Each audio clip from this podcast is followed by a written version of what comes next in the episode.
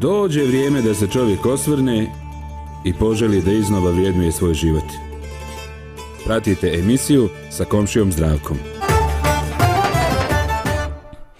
E, dobar dan želim svim slušalcima Radio Pomirenja i svojim koleginicama.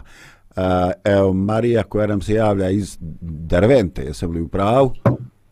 Dobar dan svima, I, tačno iz Dervente. E, dobro, Dervente i Lidi koja je ovdje u studiju. Nije isključeno da će i Milan da nam se pridruži danas, ali o tom potom. Kaže, radovat ćemo se kad ga vidimo. da. Pozdrav za tebe, zdravko Marija, i tebe pozdravljamo. A, društvo, jeste imate li informaciju kad će ovo da popusti u ovo vrijeme, mislim ono, o, ja sredim frizuru za studiju, ošišam se, ono duva kroz kapu, hoće li ovo, hoće li ovo skoro da, da popusti malo, ovaj, Pa čekaj, zdravko, o čemu ti pričaš, pa mi januar. tek dočeka smo zimu, januar krenuo, ti hoćeš da popušta, pa tajde da je tamo april, pa da tražiš popuštanje. Ali ja se nisam obradovala ovom snegu i hladnoći, to ni malo ne volim. A ni ja ne volim, ja više volim leto, ja sam letni tip, ja volim vrućine, samo mi daj tople neke. Ove, sve podnosim, hladnoću ne volim nikako, ali mnogo je važno ljudi za ovaj period da, da nam bude ovako, jako, jako je bitno.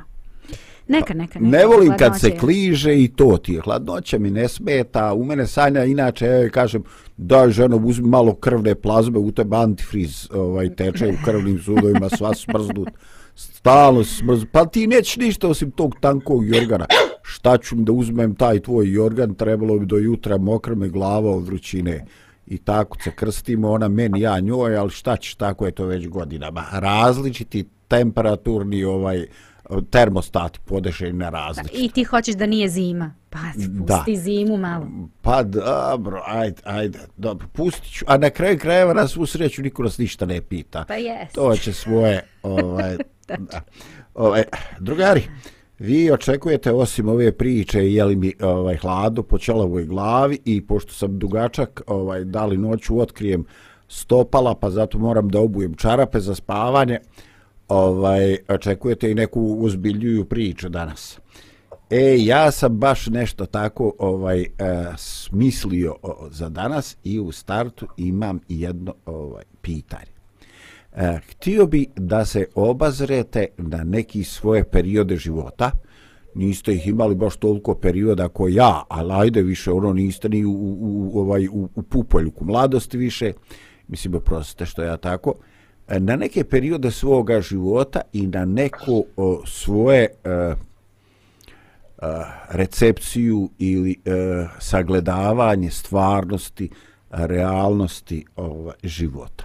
Dakle, e, na koje načine, kojim mehanizmima, ovako kad na prvu kad razmišljate, e, kako ste vi e, u stvari saznavali E, E, šta je život, koje su zakonitosti života, šta vam donosi dobro, šta vam donosi zlo, u kojoj mjeri su to bio razgovor s ljudima, u kojoj mjeri čitanje neke dobre literature, ovaj, u kojoj lično ili tuđe iskustvo, e, koliko su vam pomogle tuđe greške. I tako, ako vam sad dam sve moguće opcije, kako ćete vi biti kreativni? Ovaj, Pa vidi, Zdravko, ja sad ti kako spominješ sve, od svega toga što si spomenuo, sve mi daj. Sve sam koristila kako bih eto stekla neko, neko nazovi iskustvo. Ovaj, ali čini mi se da uh, sam najbolje učila i savjeta roditelja, iako to zvuči, evo ja sam sad roditelj i sad su moje djeca u tom periodu kad bi trebalo da uče i da, da slušaju, a baš i ne slušaju. Ja, ti se nadaš da će oni slušati ovu emisiju, pa o joj, mama je slušala. Pa ne vjerujem da će slušati da. emisiju, ali mene moraju da slušaju, primili, ne primili. Da, da, da. tako da, ovaj, znaš kako to oko slušanja, to kad si tako mladi, recimo to je moje lično iskustvo, kad sam bila mlada i onda tako, ovaj, roditelji pričaju, pričaju, pričaju, znači više ti se smuči to, ta priča roditeljska. Međutim, posle određenog vremena počneš sam, recimo ja se sećam, to je neki period fakulteta bio kad sam već počela da govorim, hm, mama je bila u pravu, tata je bio u pravu. I onda sve više i više, tako da sad, sad obuvam cipele svojih roditelja i ovaj, e, sad sam u toj fazi kada ja svoju decu učim i podučavam. Ali čini mi se da je savjet roditelja onako bio naj, naj da kažem, veći meni učitelj i a, pored svega ostalo što si nabrojao i životno iskustvo. Znači, ja mnogo teško, iskustvo. ja jako teško učim iz, iz uh, iskustva drugih. Znači to kod mene ne pije vode. Bilo bi dobro da je tako, ali nije. A znači sve gluposti moraš sama da napraviš Jest. da bi shvatila da to ne valja. Da, Joj čoveče, najgora si od sve djece. da, apsolutno. Ovaj, e, makar kod tvog tate i mame. Da. Aj Marija, imaš li petlje, ajde imaš li hrabrosti da te čujem. Pa evo kada je Lidija sada rekla, onda sam se malo... E, nemoj da se ljutiš, Vidim a- da nisam ja najgora. E, ajde reci još i ti da se najviše učila od tate i mame, pa ću da se demonstrativno objesim ovde. Mislim, ono, e, mislim. Nisam Čekaj, a što? Zašto, da zašto je to problem? Problem je ako vas je dva naprema jedan. Ono, ajde, imamo tri opcije. Aha, pa dobro. E, ja ću biti poštena, pa ću reći iskreno. Aha, aha, dobro, dobro.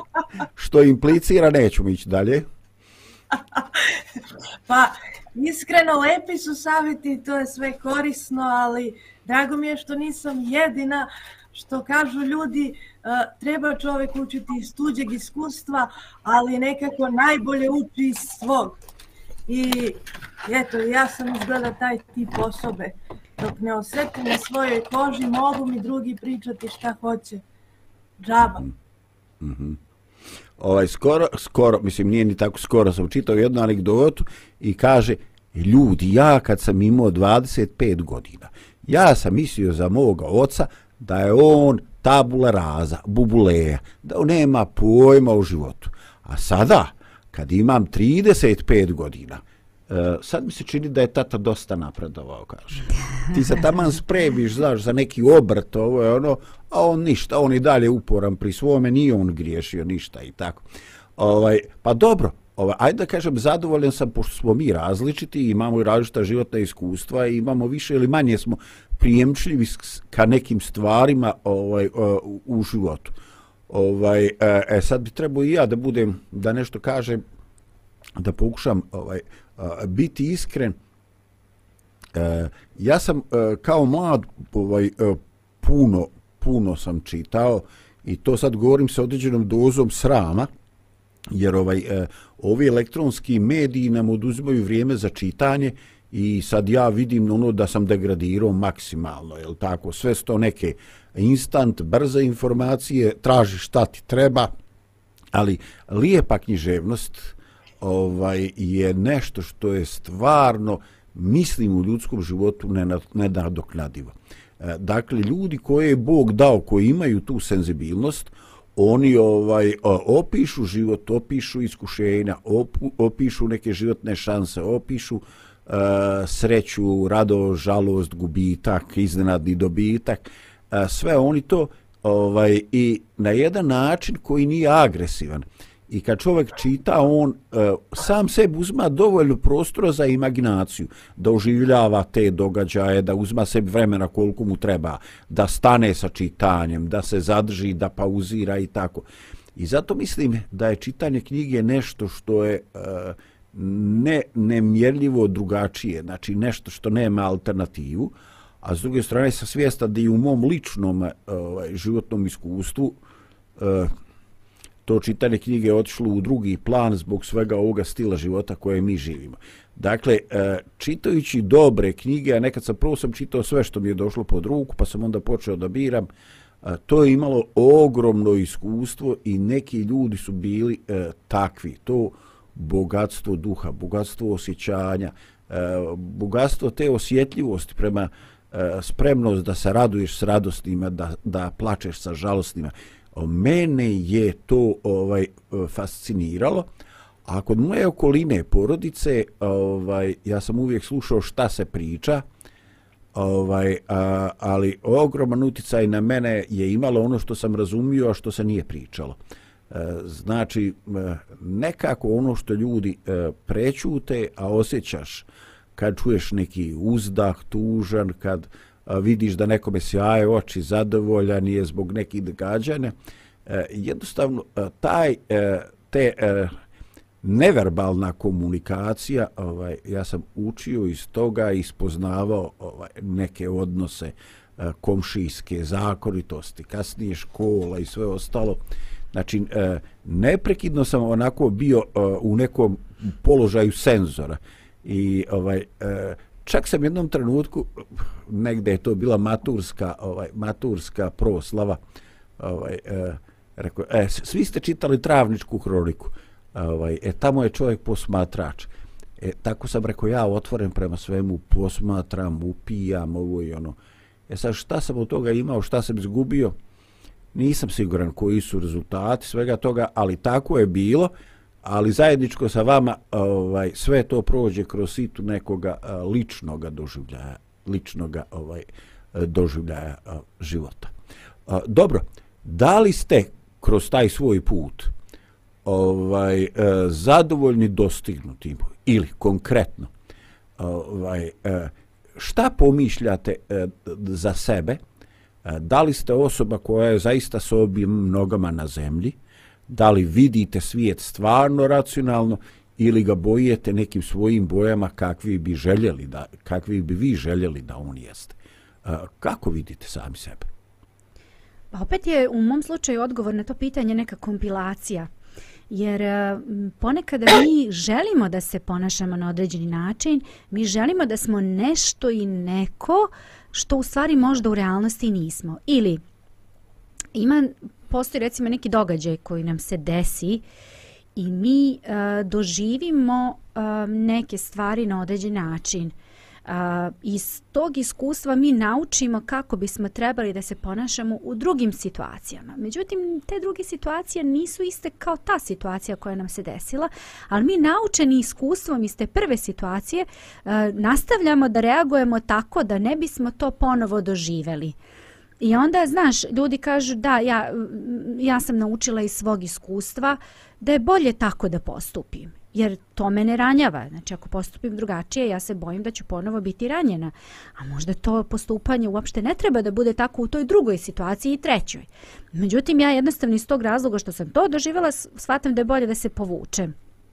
Ili suprotno, recimo ako sam nešto doživjela i trebala sam da odreagujem i ja odreagujem kako onako baš kao što treba, ja ću drugi put isto tako da odreagujem. I onda ćeš naići na stijeh. Hoću, jest. Da. Hoću da kažem da, da je čitav život jedan proces učenja. Ja ne bih mogla da kažem sa sebe da sam ja možda nekako onako, što, kao što si ti rekao, o, da sam s obema nogama na, na tlu. Ja mislim da ja nekako učim kroz različite životne situacije kako da postupim i kako da, da odreagujem. Nije to uvek onako kako bi trebala adekvatna neka reakcija i ne uradim ono što bih trebala da uradim svaki put. Neke stvari me jesu naučile i nekad kažem baš mi je drago da sam tako odreagovala i vidim da je to dobro i to je put kojim treba da, idem i to drugi primećuju i drugi kažu ali čini mi se da, da nekako više kroz taj proces, malo smo juče o tome pričali, da kroz taj proces učenja i savladavanja nekih stvari u životu, ipak prolazim kroz te neke faze. Ne, ne mislim da sam sad u potpunosti, da kažem ono, ok, to sad znam sve, idem u, kroz život, ne znam, možda tek treba da dođem u tu fazu, nemam pojma. ovaj, ali u fazi učenja svakako. Da. Ajde, čini mi se da nam fali još malo, ko još koji trenutak da uzmemo na ovu temu, ali ovaj, vi ste vjerojatno jako uviđajne, pa niko neće da mi kaže daj čovječ prikoč, malo vidiš koliko je minuta, pustim, daj nam jednu muzičku pauzu. Može, evo ide pauza. A, Marija, ti se spremi za posle ovoga, imaš pravo da nastaviš? Spremna sam. Da li mi veruješ što kažem ti i u onog što poslane s neba da li mi ti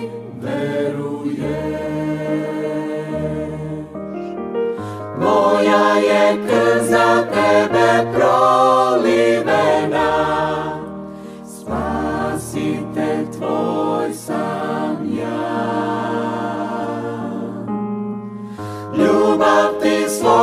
Ljubav ti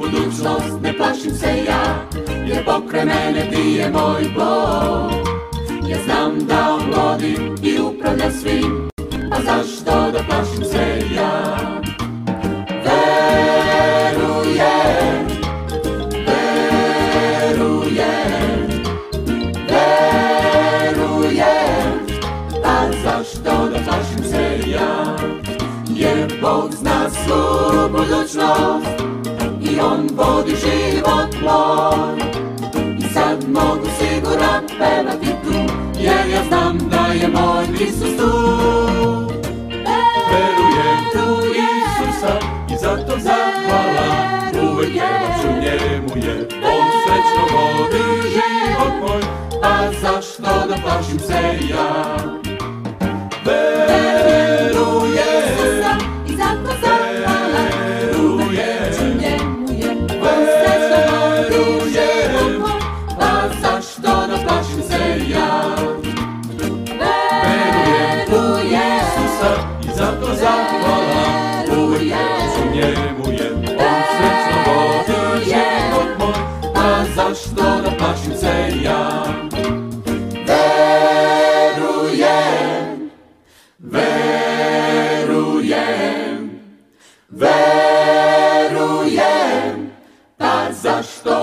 zašto da plašim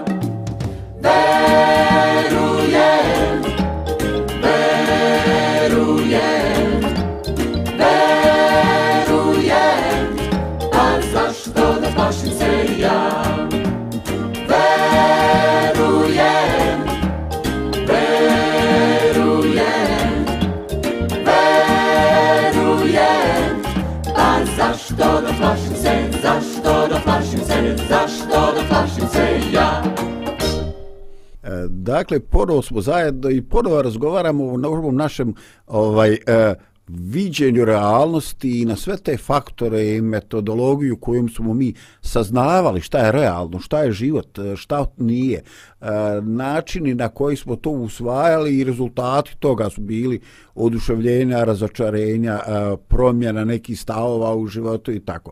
Ovaj, e sada, vjerovatno ste u životu sretali, a neću pitati da li ste bili u toj poziciji, ovaj e, ljude koji ovako pričaju o sebi i ovaj e, šta znam, e, to što oni pričaju o sebi i što misle po svojoj prilici o sebi ne, gova, ne odgovara onome kako ih vide te vi ili kako ih vide drugi ljudi.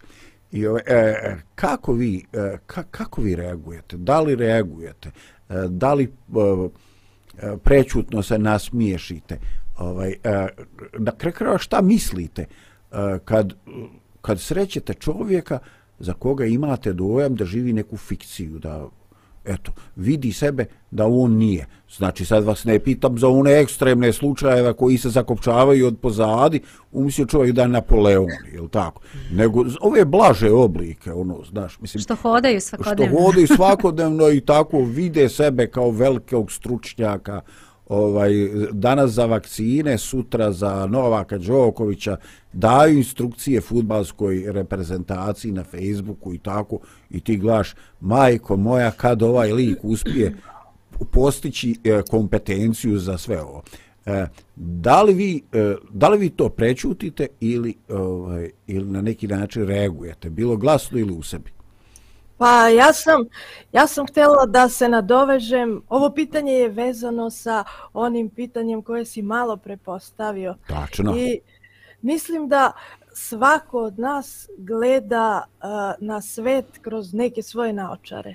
Znači, Mm, ne mislim da neko može da, da neki ljudi mogu da budu u grupu realnih, nego da svako od nas gradi svoju sliku o svetu prema iskustvu koje je do sada doživeo i svemu što ga je izgradilo kao ličnost. E, to ne znači da nije realista, samo znači da on ima svoju sliku i ima specifičnu sliku u odnosu na druge ljude. E sada, e, da li neko stoji čvrsto na zemlji? To je za mene onako može da bude i filozofsko pitanje, pa se može dati filozofski odgovor. da li ja mogu da procenim da li ja stojim čvrsto na zemlji ili da li neko drugi stoji čvrsto na zemlji, je to stvarno u mojoj kompetenciji. Jer ako sam ja optimista, ja gledam na stvari iz svog ugla, a ako dođe pesimista i vidi moj način gledanja sveta i njega i situacije, može mi reći da letim u oblacima i da nisam na zemlji. Međutim, ako dođe neko ko takođe gleda iz mog ugla, može se složiti sa mnom da je to ok i da je realno. Tako da to je vrlo specifično kako možemo odrediti ko je zaista realan i ko stoji na zemlji. A ljudi koji su stručnjaci za sve, ja iskreno ne mogu uvek to da prećutim, ali ne moram ni da kažem direktno. Samo pitam a, na osnovu čega oni smatraju da su te informacije koje iznose zaista, zaista tačne i da su Validno, oni kompetentni da. baš za tu oblast. Mm-hmm. Da, ovo mi se svidjela Marija što si rekla da, da ljudi iz svog ugla različito posmatraju određenu mm, osobu, određen stav, određeno mišljenje. Mm, ti si sada navela možda tu neke a, tipove ličnosti. Ja se ne bih čak ni ograničila na tip ličnosti, ja bih otišla i mnogo dalje i rekla da svako od nas koji možda i pripada zajedničkom tipu ličnosti opet ima neki svoj ugao posmatranja. Jer mi posmatramo druge u odnosu na sebe. Niko od nas nema neku uh, referencu na osnovu koje sada posmatramo doživlja i neke osobe. Tako da ja recimo na, ne, na neku reakciju mogu da kažem jao vidi kako ona je to tako, a druga osoba će doći i reći e kako je to simpatično, baš mi se to sviđa. Tako da mi iz svoje perspektive posmatramo realnost i na osnovu toga zaključujemo uh, pos- da li je postupanje neke osobe ispravno ili nije. To je, to je, to je još jedna od stvari. Sećaš se kad smo s Milanom pričali? Šta radiš, o šta radiš? Opet sam se sjetio Bore Čorbe. Pa mi koji smo to slušali u mladosti, mi smo, mi smo definitivno inficirani, a ne vakcinisani. Ovaj, aj dobro, izvini, a samo ti nastavi, samo da ti kažem da mi ovaj da se sjetio nekih stihova. Pa znaš kako, mogu ti reći da je to veliki pomak kada ti a, muzičkim stihovima potkrepljuješ svoje misli meni Da. se to konstantno dešava i zna se da sam to ja. A, a Ali ja koji ti veze počeo- sa muzikom, Da. Ali tebi najčešće Bora Čorba pada na pamet, moram i to da primetim. Pa Ne znam, ne znam, i bijelo zašto. dugme je bilo tu Da, jest, jedan tačno, ključ. slažem se. I svašta nešto. A, ovaj, a kaže, znaš ono, moj ugao gledanja, Marija ti spominješ, a sjećaš se onoga čorbinog, gledano iz moga ugla, da Bog da crkla zemljina kugla. Nek crkne od muke i sramote, kaki se gadovi na njoj kote. Eto, dovoljno, mi je, dovoljno vam je pjesnika iz ruku ovaj e, čorbe, nije baš nešto evanđelski optimistično, ali autentično i, a, i to je jedan od ugalova gledanja na život.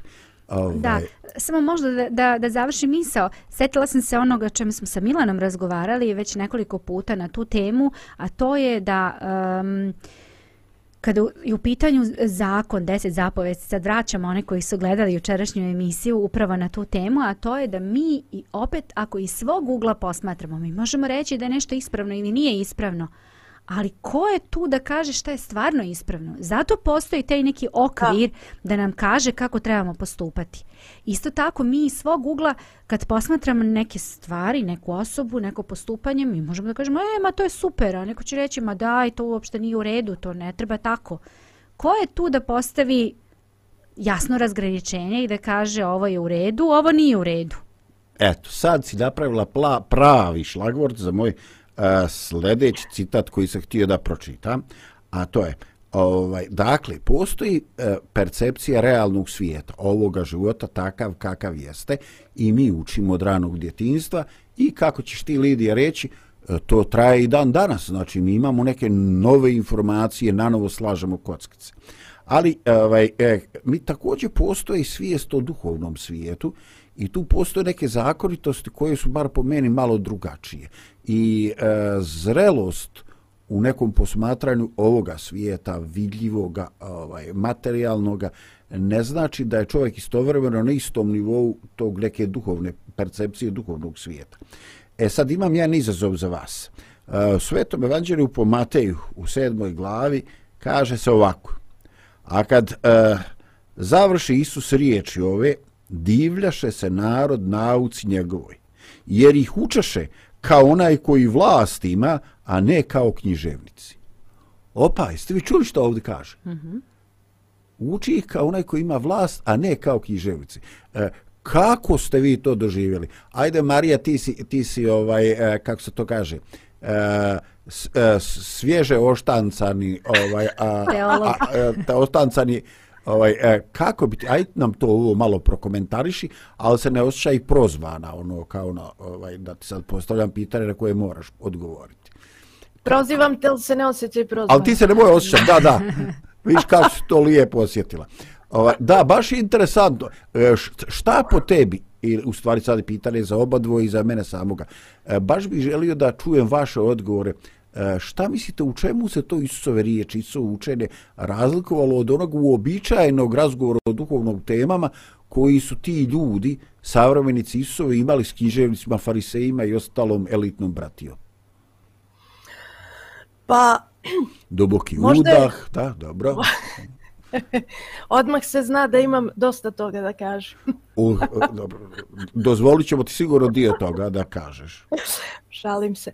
Ovaj, uh, ono što je interesantno, pošto smo do sada pričali o iskustvu i kada se vratimo sada, kada dođemo na ovaj stih, mislim da iskustvo igra jednu značajnu ulogu. U kom smislu? Uh, možda bi mogli da kažemo da određeni ljudi imaju autoritet kada nešto pričaju, mada znamo da je Isus imao svoj autoritet a, i, na, i iz jednog posebnog ugla, ne samo zbog ovog razloga koji ću reći, nego i zato što je on bio Mesija, Boži sin.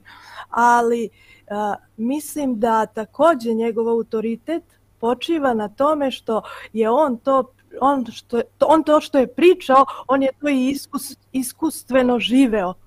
I uh, mislim da ovo može da se oslika na svakog hrišćanina, da autoritet naših reči a, može da počiva na tome da li samo pričamo ili i živimo to što pričamo, jer to dodaje onda do, posebnu vrednost onome što govorimo. Mm. Pa super. Ovaj, a misliš da je to suštinski razlik između druga kako je pričao Isus i, i ovi književnici? Misliš da oni baš nisu bili uh, ovaj, u, da nisu živjeli dosledno onome što su pričali? Pa u ostalim stihovima u Novom Zavetu koje nalazimo, kada Isus priča sa farisejima i književnicima, on kaže njima da su oni čaša koja je spolja čista, a iznutra je prljava. Da očigledno postoje neke skrivene namere, skriveni motivi i skrivene radnje koje oni ne pokazuju javno, a nego ali ih rade, što znači da oni nisu iskreno to što pričaju. Samo pričaju, a to ne primenjuju uvek u svom životu. I mislim da je to jako važno za jednog hrišćanina. Super, interesantno. Sad se osjećam, ja mislim da Marija polako onako u svom stomaku osjeća blage žmarce i kao da, da, da osjeća, znaš, kao da je na, na, ovaj, na odgovaranju diplomskog, naš, a zdravko je tu Nemoj, molim Ne znam zašto imam taj osjećaj. Trebam ja da se osjećam ovde star radi vaših tih izjava. Ne star, nego ne, kompetentan. Ne, o, da, Kao komisija. Da. da. Ne, nemoj to, nemoj to me poistovećivati s tim. A znaš kako, vidi, evo kako ja recimo gledam na ovo, kad si postavio to pitanje, meni je odmah jedna osoba pala na pamet, a to je jedan glumac, uh, Liam Neson, ne znam da li ste čuli za njega, sigurno ste gledali njegove filmove, ako i niste znali da se to možda tako zove, ja sam morala se prisjetim sad, pa sam konstatovala Google kako beše, ja sam mislila Lee, ne, Neson, Nelson, kako beš? aha, okej, našla sam, evo sad znam. To je, to je glumac, ako ste gledali njegove filmove, koji svoju, svojom bojom glasa, dočarava autoritet. Znači, vi koji ste gledali, vi znate o čemu pričam. I on je inače glumio najčešće u ulogama gde, gde um, on ispunjava pravdu. On je taj koji želi da, da pravda izađe, uh, da se pokaže. Nek, nekako je uvek tako glumio u tim nekim ulogama i on kad kaže to je autoritativno, znači on je to rekao znaš, uvek malo onako, znaš, malo, malo staneš po strani i, i kažeš, u, čekaj da malo saslušam šta ova osoba ima da kaže. Da. nije to rekao neki tamo drugi. Ovaj, hoću da kažem, za, zašto sad ovo spominjem? A, postoji nešto što se zove, um, što bih ja nazvala um, autoritativna osoba, stav autoritativan. Um, ja, ja nekako tako zamišljam i Isusa. Ja ne znam koju je boju glasa on imao, kako je on pristupao ljudima, to ne znam. Ali definitivno da je bilo upravo ono što je Marija rekla, ja mislim da tu leži uh, suština da je on e, svojim autoritetom, svojom bojom glasa, svojim stavom, svojim životom na kraju jednostavno ljudima dočarao i pokazivao ko je on u stvari. I ljudi su rekli, hej, ima nešto u tome, stoji nešto iza toga. Su, ja, ja verujem da su i književnici i fariseji imali fantastične boje glasova i da su oni glasa i da su oni to verovatno na jedan autoritativan način sve iznosili. Oratori bili učili Ali postoji ne, da, postoji ne, razlog zašto oni nekako nisu prolazili kod naroda, a Isus jeste. Znači, ta autentičnost je, a, čini mi se, jedan od jako bitnih razloga zašto je to sve tako bilo. Nema Pa, sumnje. Ono što smo malo prepričali jeste da različite situacije ljudi gledaju iz različitih uglova. I to što je Lidija rekla, to što si rekla Lidija, da istina je i verovatno ima smisla i ima autoritet i boja glasa. Međutim, ja sa moje tačke gledišta jako volim neke govornike i slušam ih, a onda kada se sa njima upoznam, ako e, naš odnos lični, odnosno ako taj njihov život ne pokaže da oni stvarno to misle i to žive što su pričali u tim svim govorima koje sam ja slušala, ako ja vidim da to nije baš tako, onda gubim interesovanje da slušam takve ljude. Mhm. Da. Jest. Da. Pa eto, moram se, moram se, mislim, ne, mo- moram se, moram se složi, složiti, pritisnuti argumentima. Odlučuješ dakle, da se složiš. definitivno se slažem s vama. Ovaj, a, ali ajde, pošto sam ja ta Facebook generacija, nisam ti ja tih, tih tiktokerskih ili šta znam, tekih tamo drugih stvari, znači definitivno ovi polovnjaci preuzimaju ovaj Facebook. Ovaj, ja sam opazio ovaj određenu pojavu. Znači, neko lijepo, ovaj, kratko definiše svoju nedoumicu ili, ili neke stvari koje su izjavljene dovede u pitanje. Eto, možemo uzeti za primjer to što si Marija ti izjavila, na osnovu kojih referenciji, kojih autoritivnih izjava, kojih autentičnih a, izvora informacije ti tvrdiš to što ti tvrdiš, na osnovu čega ti to znaš. I to je ovako, ovaj, ne samo u nekim akademskim raspravama, nego uopšte u životu, kad se o nečemu priča, ovaj, to je jedno sasvim normalno pitanje. Ovaj, čekaj, na osnovu čega ti to? Jesi čuo priča se po selu, mislim, ili vidio na Wikipediji, mislim, nije bi to baš neki autoritet, jel tako? Ali, Nije. ovaj, je, opazio sam da neki ljudi apsolutno pokušavaju da sve riješe sa argumentacijom koja se njima čini prava i valjana, I onda ti, na primjer, postaviš pitanje kao što je Marija definisala s dve rečenice. Čovjek odgovara sa A4 tekstom. Razumije? I sad ja imam neke konkretne likove, ali baš toliko nisam neuviđaja, neću da kažem imena. Ovaj, znači, na sasvim obično pitanje, jedno, dve rečenice, čovjek odgovara dugačkim tekstom. Slušaj, prijatelju, ne bi ti čitao taj tvoj logiku i tvoje objašnjenje od A4 teksta da sme rodio, a kamalo ovako što te jedva znam. A ako si normalan, ako znaš šta hoćeš, odgovori mi u pet rečenica, toliko mogu. Nemoj mi pisat Markove kontakte, ljubite brat, nemoj, ne ide to tako. Ko je lud da te čita?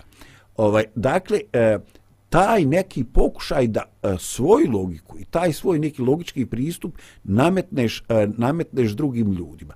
Ali koliko god život e, zahtijevao da se mi ponašamo ovaj logično, e, postoji i neke stvari e, i neke, i neke e, stavovi se donose ne na osnovu samo nekih logičkih parametara, nego jednostavno intuitivno. E, ovaj, evo, sad Lidino područje je muzika. Kaže, kako ti to čuješ, tu muziku? Kaže, prijatelju, ne slušam ja to ušima, ne kako, kaj kožom. Eto, osjećam ja te vibracije, osjećam energiju. Sad ja ne znam kroz što se sluša energija, kroz koji organ, kožom ili nečim drugim, ali znam da ljudi tako odgo odgovaraju. E sad, ovaj, e, koliko je u vašoj spoznaji realnog svijeta i religioznog iskustva imala uticaj e, ta e, upravo e, to to neko ovaj intuitivno doživljavanje svijeta realnosti koje je mislim definitivno čist, subjektivno. Koliko vi to imate? Koliko se vi pouzdajete u to? Da, zavisi od situacije u mom slučaju. Um, i zavisi koliko je pitanje ozbiljno. Ako je zaista ozbiljno, nisam baš sigurna da bih se pouzdala u, u intuiciju. Ja bih se više pouzdala u neko iskustvo nego u intuiciju, zato što ipak u iskustvo, iskustvo je iskustvo, jel? Pa sam to nešto doživela. Um, a sa druge strane, naravno kada je reč o bitnim pitanjima, da um, mi je jako važno da konsultujem druge ljude koji su možda autoritet po tom pitanju, Um, a kada je u pitanju duhovnost i kada je u pitanju um, kada su u pitanju te neke druge stvari uh, vezane za um, najvažnija možda životna pitanja ko sam, šta sam, otkuda sam, zašto postojim, kako treba da postupam, um, konsultujem duhovne knjige.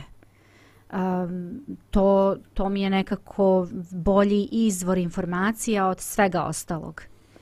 E, tako da intuicija može da bude, bar u mom slučaju, korisna, ali e, nisam baš neko ko će se pouzdati u, u, u intuiciju, to je ono reagovanje prirodno, kako ti onako dođe, kako smatraš da, eto, nekako osjećaš da to tako treba. Ja bih htela sada da dam jedan argument protiv iskustva. Oho, o, zaoštrava se. Dobro. Ja mislim, ja mislim da i iskustvo nekada ne može da bude pouzdano. Zapravo, evo jednog primjera, iluzija kada stavite štap do polovine u vodu, onda možete da vidite iz nekog ugla kao da je on slomljen i to vam kaže vaše čulo vida, a to nije istina. I postoje mnoge druge iluzije koje vi možete da sva, vašim čulima a, vidite, čujete, a da u stvari ne budu istina a vi ih primite kroz to iskustvo. I ono što je interesantno jeste da teologija, teolozi smatraju da je jedan od načina na koji Bog može da se otkrije čoveku iskustvo i ja smatram da je to važno u hrišćanskom životu, međutim nije najvažnije. Ima i drugih načina koji trebaju da potvrde to iskustvo. Naprimjer, uh, Martin Luther, koga verovatno većina hrišćanske populacije poznaje, je bio protivnik hrišćanske. ovog argumenta i ne hrišćanske. On je, na primjer, kritikovao ovaj argument i on je rekao, a, evo sad ću baš a, njegov citat, on je uzeo primer Isusa kada je bio na krstu i a, Isus tamo kaže, Bože moj, Bože moj, zašto si me ostavio? A Martin Luther kaže, njegovo iskustvo u tom trenutku je govorilo da ga je Bog ostavio, a Bog nikada nije bio bliži. I ovo je jedan od njegovih argumenata zašto kritikuje samo iskustvo za vezivanje a, našeg poznanja Boga. A, I ja mislim da nekada stvarno neko iskustvo može da nas, da nas prevari, da bude kao one iluzije i da zato trebamo imati i drugačije načine kako ćemo da to iskustvo proveravamo. A što se intuicije tiče, a, ja sam imala iskustva sa intuicijom. Da kad upoznam neke ljude, a, nešto mi kaže a, da to nije to kako se oni predstavljaju, da nešto tu nije u redu, da, da nešto nije kako treba, a oni sve super. Iskustvo ne pokazuje da nije u redu, samo intuicija. A onda kako vreme prolazi, a, taj osjećaj koji imaš na početku se obistini kroz nešto što oni urade, jer ljudi ne mogu već to da glume. Mm. mhm. Da, je li to impresija u stvari, to, e, to is, ovaj, ta intuicija, je li to u stvari impresija onoga prvoga, ono, ono cijelokupno sagledavanje, a ne samo ono analitičko, razumsko ovaj, posmatranje neko, nekoga, nečiji riječi i tako. Je li to impresija u stvari? pa i impresija i kao neki osjećaj, da ti nešto unutra kaže da to nije tako kako tebi izgleda kroz Mhm. trenutno iskustvo koje imaš. Evo vidiš Marija, ovaj, e, ja sam htio malo da budem provokativan i da vam pitam na osnovu čega ste, na osnovu kojeg e, parametra ste odlučili da se udate, da li to bilo, ovaj, da li je to bilo na osnovu logičkog razmišljanja, matematičkog sabiranja prednosti ili ili nečeg drugog. Ali eto, ja vas, da znate da vas ja to nisam pitao, mislim, ono, bravo ja. E, sad, pošto vas nisam pitao, idemo riješ dalje. Ovaj, e, Marija, ja sam se baš zamislio na tim što si, što si sada ovaj, ispričala, radi toga što ovaj, između tebe i mene postoji razlika u godinama, u polu, šta ja znam, šta još. E sada, ovaj, ali to što pričaš ovaj, je jako preslikano moje životno iskustvo. Ovaj, e, dakle, e, intuicija E, nam često možda neće po, ovaj, nas upozoravati šta jeste. Šta jeste tačan sud, je li? Ali ovaj e, u životu se stvarno dešava da nas intuicija upozori da nešto ne valja da nešto Da. nije autentično. Šta to znači? Na kom je nivou dobijena informacija? Znači, informacija nije dobijena onim kanalom koji mi procesuiramo stvari logično, razumiješ? Ono, je li i tačan izraz, jesi li ti rekao onako kako piše u svetome pismu, nego nešto od onoga što mi možda razumom i ne možemo analizirati, neki, neka neverbalni signal, nešto govori da tu ne valja da tu nešto, i ti sto lijepo rekla, nešto nije autentično. I na kraju se čoveče ovaj, ispostavi. I ja sam čak sretao u životu ljude koji kažu, ovaj, ma znaš šta, lijepo je analizirati stvari kad se radi o teoriji, kad se radi o ideologiji, kad se radi o teologiji i bilo kakvom e, e, saznanju i tako. Ali kad se radi o ljudima, kaže, meni se najčešće desi da je prvi utisak ono što je ispravno, pa kasnije lutam i na kraju se vratim na ono što je bio prvi utisak. Da, ajde, meni se dopada ovaj što je to što je to ovaj e, što mi imamo i što nas je Bog e, obskrbio raznim senzorima za doživljaj za doživljaj svijeta i što jednostavno e, takvi takvi kakvi smo ovaj nismo prepušteni samo jednom kriterijumu prepoznavanja Realnosti, vrijednosti i realnosti. Ali Lidija, e, da mi još malo pustimo relaks muzike, pa da pokušamo da zakucamo ovo s nekim praktičnim. Može, ide pauza.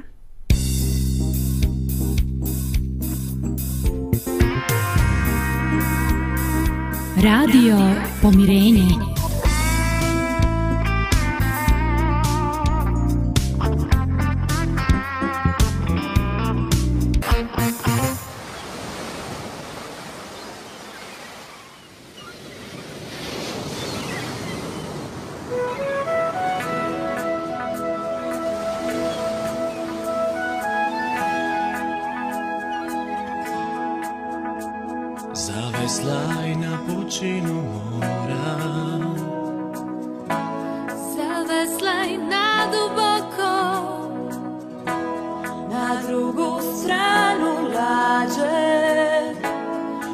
Baci mreže svoje na moju riječ. Zaveslaj na pučinu mora. Zaveslaj na duboko. Na drugu stranu lađe. Baci mreže svoje na moju riječ.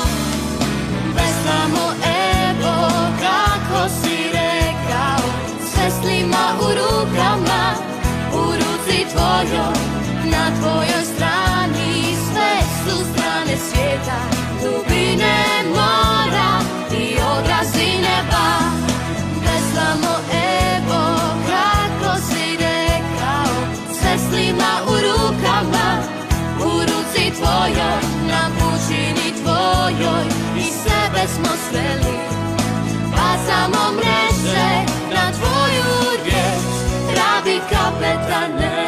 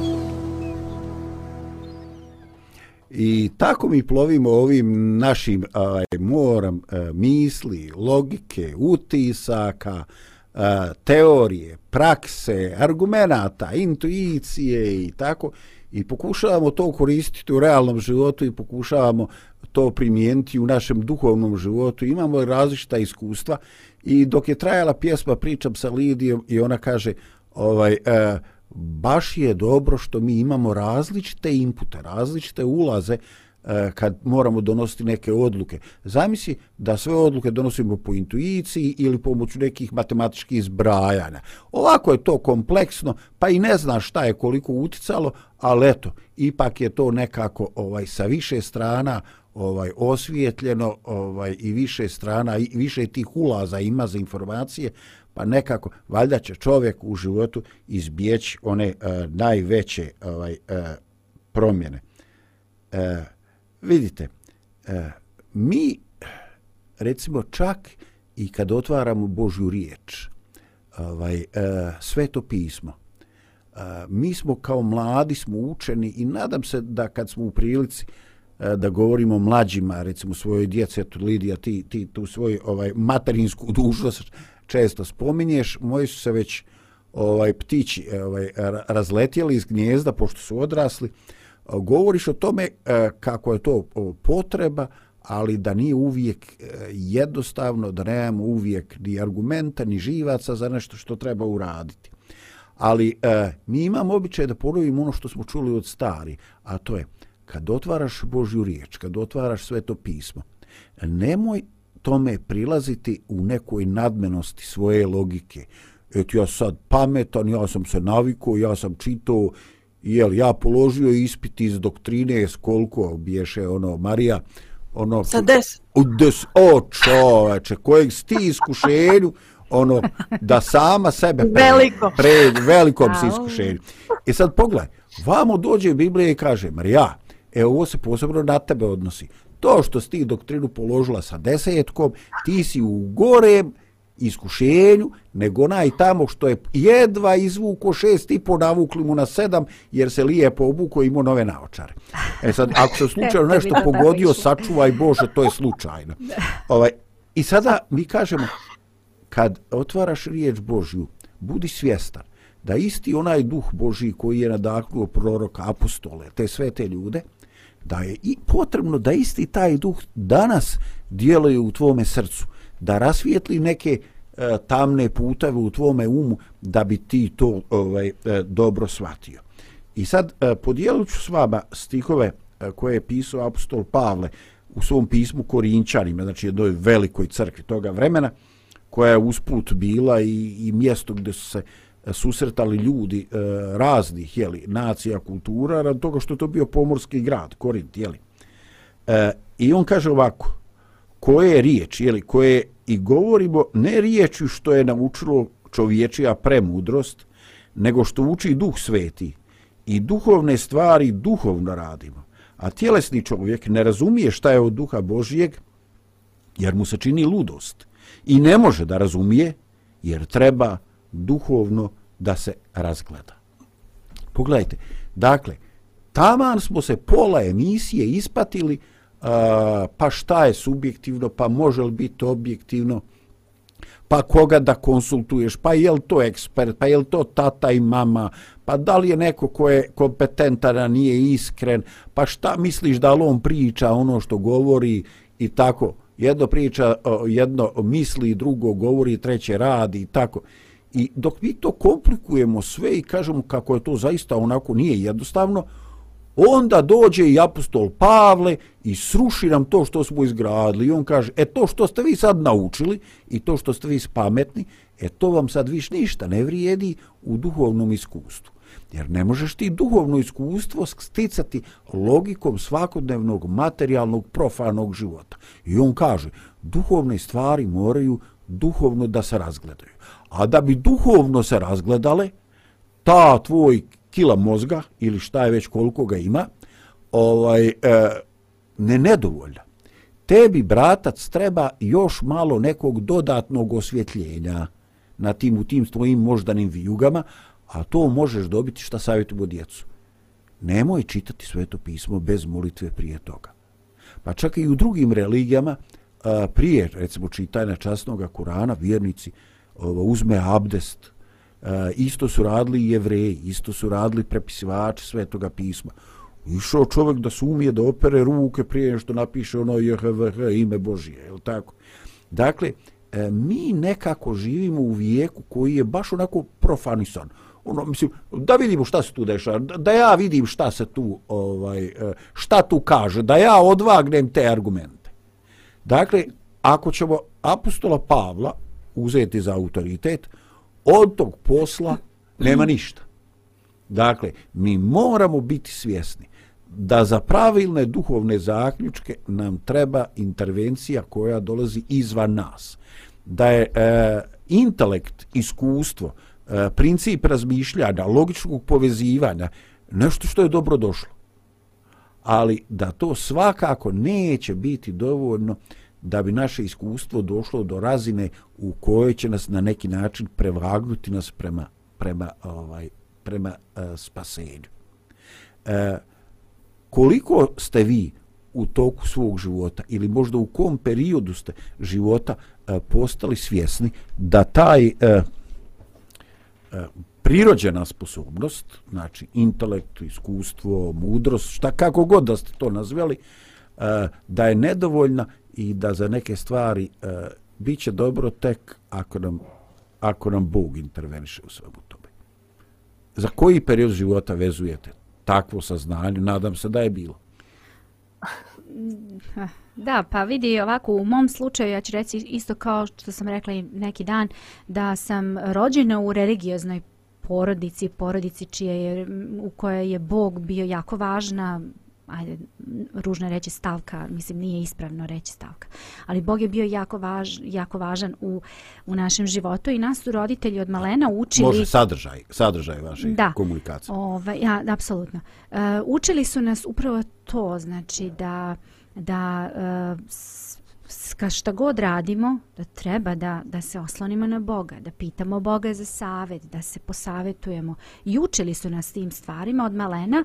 U, u mom slučaju ja sam recimo u tim nekim godinama kada više nisam, uh, da, znači odluku da, da svoj život Bogu predam donela sam u tim nekim, da kažem, tinejdžerskim godinama i to sam lično svesno donela tu odluku, niko za mene to nije uradio, ali neka iskustva se steknu kasnije u nekim godinama kada možda roditelji više nisu toliko blizu, a, pa onda a, dođe ta neka spoznaja i to shvatanje da da neke stvari treba iz eh, neke druge perspektive posmatrati.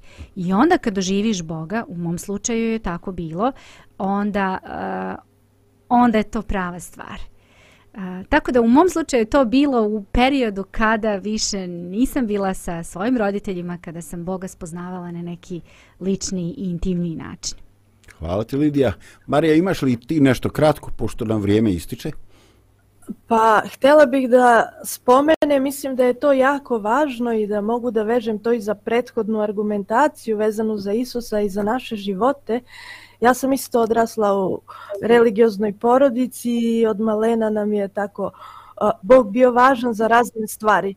Ali nekako kada a, me ljudi pitaju o Bogu i o tome u šta ja verujem i kada ja počnem o tome da pričam i kad se taj razgovor završi, ja odem kući i shvatim da to nisam sve ja pričala, da pomislim otkud sam ja sve ovo znala. Iako znam da ostali neke stvari kako sam uopšte rekla, nisam bila svesna da li ja to znam. Počela sam u tim trenucima i situacijama da stičem utisak da e, Bog deluje u našim životima i kada dođu situacije važne za ljudske živote, da nešto saznaju, da on čak i govori kroz nas i da mi nismo ni svesni e, da smo toliko toga rekli što je ljudima na blagoslov stvarno bilo i što ih je oduševilo da još više upoznaju Boga. I to je još jedan argument zašto je Isus imao autoritet u delima apostolskim nalazimo poslanike koji su se molili za duha svetog i kad se duh sveti spustio na njih, sveto pismo kaže da su oni onda išli i propovedali su sa silom i sa slobodom. A bez te sile ne bi bilo ništa od njihovog ljudskog propovedanja. Mm -hmm. ovaj, ja definitivno moram da se složim sa vama, nemam ni neku potrebu da nešto završavam, a, nego da kažem a, hvala Bogu što ovaj hrišćanstvo ili učeništvo ili sleđenje Hrista a, nije samo jedno još od dodatnih učenja, nego nešto što je a, ne samo primjenjivo, nego i provjerljivo u praksi.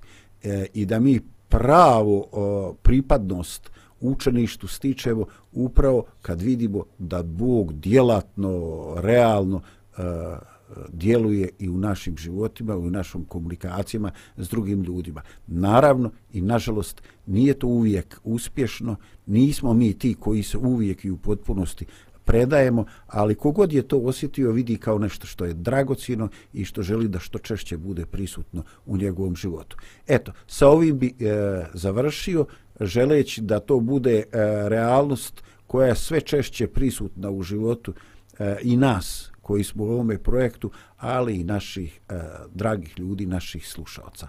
E, pozdrav sa Radio Pomirenja. Doviđenja. Pozdrav, vidimo se. Pozdrav.